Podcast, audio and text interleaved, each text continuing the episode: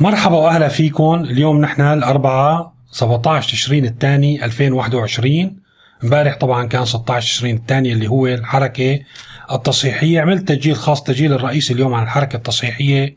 وليش نحن من 50 سنة اليوم نحتفل بالحركة التصحيحية شو أساس الحدث وشو دلالاته لحتى ما أرجع أعيد وأخذ من وقتكم فيكم تشوفوه إذا كنتوا عم تتابعوني على اليوتيوب على الرابط الموجود على الشاشة. من الأحداث الأساسية اليوم لسه عم نحكي موضوع اللاجئين موضوع اللاجئين الحقيقة موضوع مهم كثير. هلا رح بين أبعاده المؤتمر اللي عم يصير بالشام والصورة المتناقضة للمهاجرين أو اللاجئين الموجودين على الحدود البيلاروسية. البولندية. في حدث رح أحط لكم رابط لتغطية لوكالة الأنباء الفرنسية حول موت الشاب السوري أحمد الحسن. كان بالأردن عمره 19 سنة. حرام كيف مات وهو بيحاول يعبر الحدود بين البلدين بيلاروسيا وبولندا ودفنوه بقرية فيها غالبية مسلمة في آه، شرق بولندا. الحدث مؤثر آه، كثير وممكن من خلاله نحكي عن الواقع العام.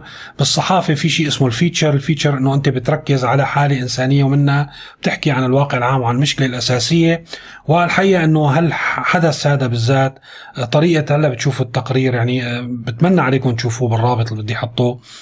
محزن جدا وتراجيدي جدا كيف يعني الولد الله يخلي أولادكم آه عمره 19 سنة في مقتبل آه يعني عمر الشباب انسدت بوشه. 19 سنة معناتها كان عمره 9 سنين وقت بلشت الأمور أو 8 سنين بلشت الأحداث في آه في سوريا. ما حسن يأمن لحاله مستقبل في الأردن حاول يوجد له مستقبل في أوروبا وكانت نهايته النهايه تراجيدية بحيث إنه مات وحيد.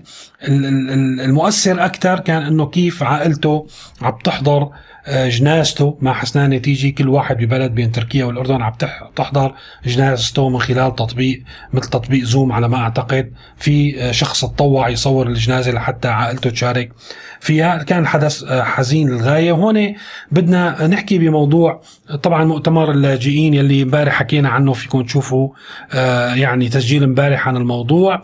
والتناقض بالصورة الحقيقة الحرب الحديثة تغيرت كثير من عشر سنين لليوم.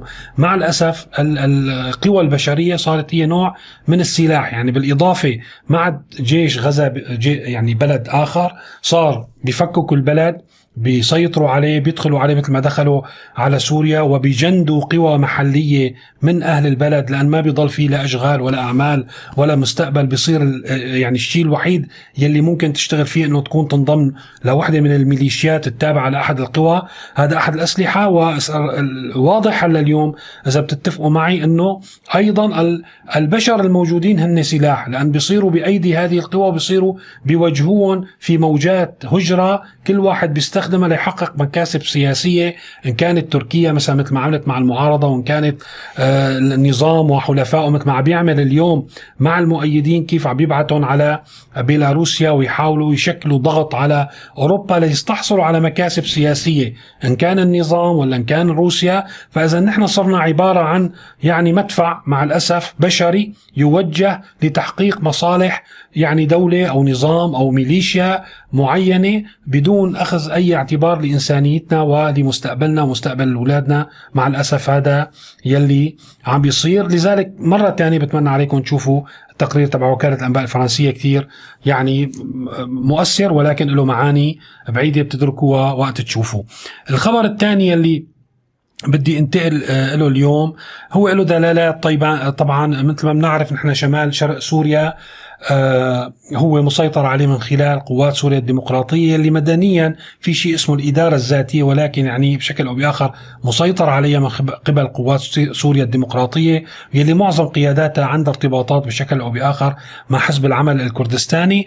المهم في إجراء يعني مدني أنه آه، فرضوا لأن مثل ما هذا طبعا ليش عم نحكي؟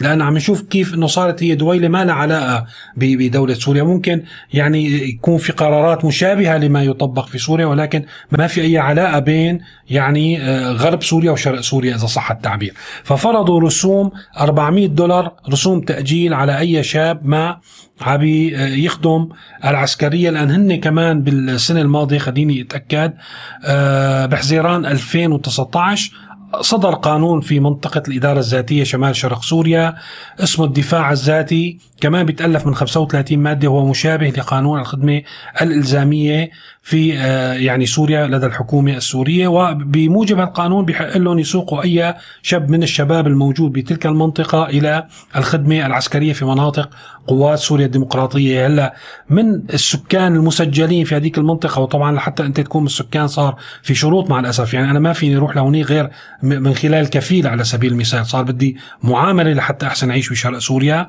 أنه السكان المسجلين من الشباب ما عدا الموجودين في البلدان على الحدود البرية يعني الموجودين في أوروبا وكذا عليهم أن يدفعوا هذا المبلغ. طبعا هذا بينطبق على الكل على الأكراد والعرب وكل الناس وهذا بي بي يعني بيدللنا على على واقع التجزئة اللي عم بيصير وعم بيترسخ يوم بعد يوم عن سوريا. كيل قسم كيف له قوانينه له سلطة أمر الواقع اللي بتفرض اللي بدها إياه بدون التنسيق مع السلطات الأخرى. كمان اليوم آه، قوات سوريا الديمقراطية أصدرت قرار أنه أي موظف مدني في طبعا ما بيصير عسكري ولكن أي موظف مدني في أي يعني إدارة من الإدارات الإدارة الذاتية الموجودة في كل المساحة الشاسعة يلي آه، تسيطر عليها قوات سوريا الديمقراطية إنه آه، إذا بيعمل مصالحة لأن اليوم النظام فاتح باب المصالحة مع يعني أبناء دير الزور أي شخص بيعمل مصالحة فهو يفصل من وظيفته آه، فورا.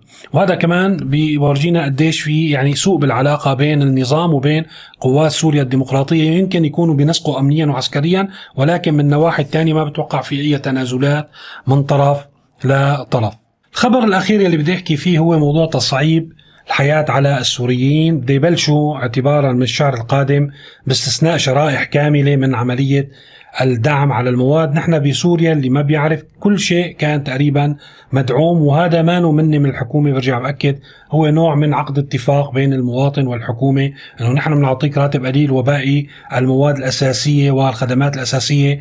بنقدم لك إياها بأسعار آه، مخفضة هذا هو الواقع. هلا اللي عم يعملوه إنه هن عم يزيدوا أسعار يعني آه، عملوا نوع من النكوس بالاتفاق عم يرجعوا يحركوا الأسعار للمواد والخدمات لتصير بالأسعار الحرة وخلوا له الراتب مخفض. هذا إذا ما أخذنا بعين الاعتبار التضخم الكبير اللي صار خلال السنوات الأخيرة. هلا طبعا كانت السياسات كلها موجهة ليدفعوا أكبر قدر ممكن عن موضوع الدعم على المواد المدعومة من خلال تعقيد الإجراءات. صار أي مادة مدعومة بدك تحصل عليها بدك وقت وجهد كبير. فيعني هن عقدوها عمدا. أنا بتوقع لحتى يدفعوا أكبر شريحة ممكن لحتى اللي بيحسن يدبر حاله. ما عنده استعداد يضيع نهار ليأخذ رز ونهار ليأخذ سكر ونهار لحتى يعبي بنزين يروح يدبر حاله بالسوق السوداء.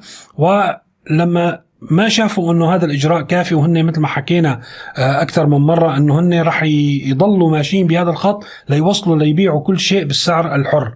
يعني بدون ما يعملوا تصحيح حقيقي أو كافي على الرواتب والأجور.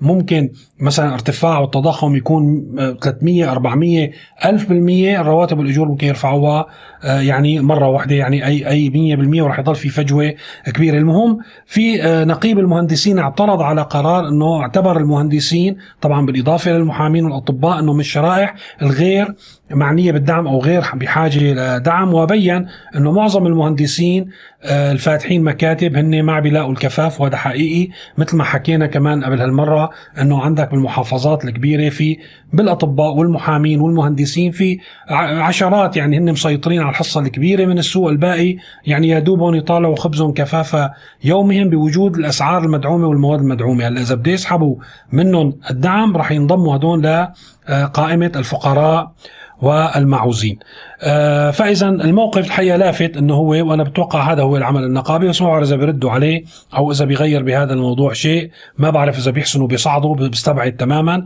بتوقع الموضوع رح يوقف عند هالتنديد لأن من واجبه يندد وما رح يطلع معه شيء مع الأسف. هلأ نهاية طبعا أنا خلصت اليوم أخبار. هلأ مثل ما قلت قبل هالمرة في أخبار إضافية ممكن تشوفوها على موقع سيريا نيوز أو حسابات التواصل الاجتماعي وخاصة تيليجرام وسيلة فعالة. لتعرفوا الأخبار. أول بأول وصلني من شوي من من شخص بكرة هذا بدنا نحكي فيه عن موضوع على ما يبدو آه، بده ينظموا موضوع جوازات السفر عن طريق يعني بده يصير كمان على البطاقة الذكية أو من خلال البلاتفورم معينة إنه تاخذ موعد لحتى تروح وما تروح. وهذا ببلدنا مثل ما بتعرفوا هو إجراء منيح نظري من حيث المبدأ ولكن على التطبيق مثل البطاقة الذكية عم بيكون كارثي وينبئ بأزمة قادمة في موضوع الجوازات هذا بنحكي عليه بكرة. شكرا لمتابعتكم وإلى اللقاء.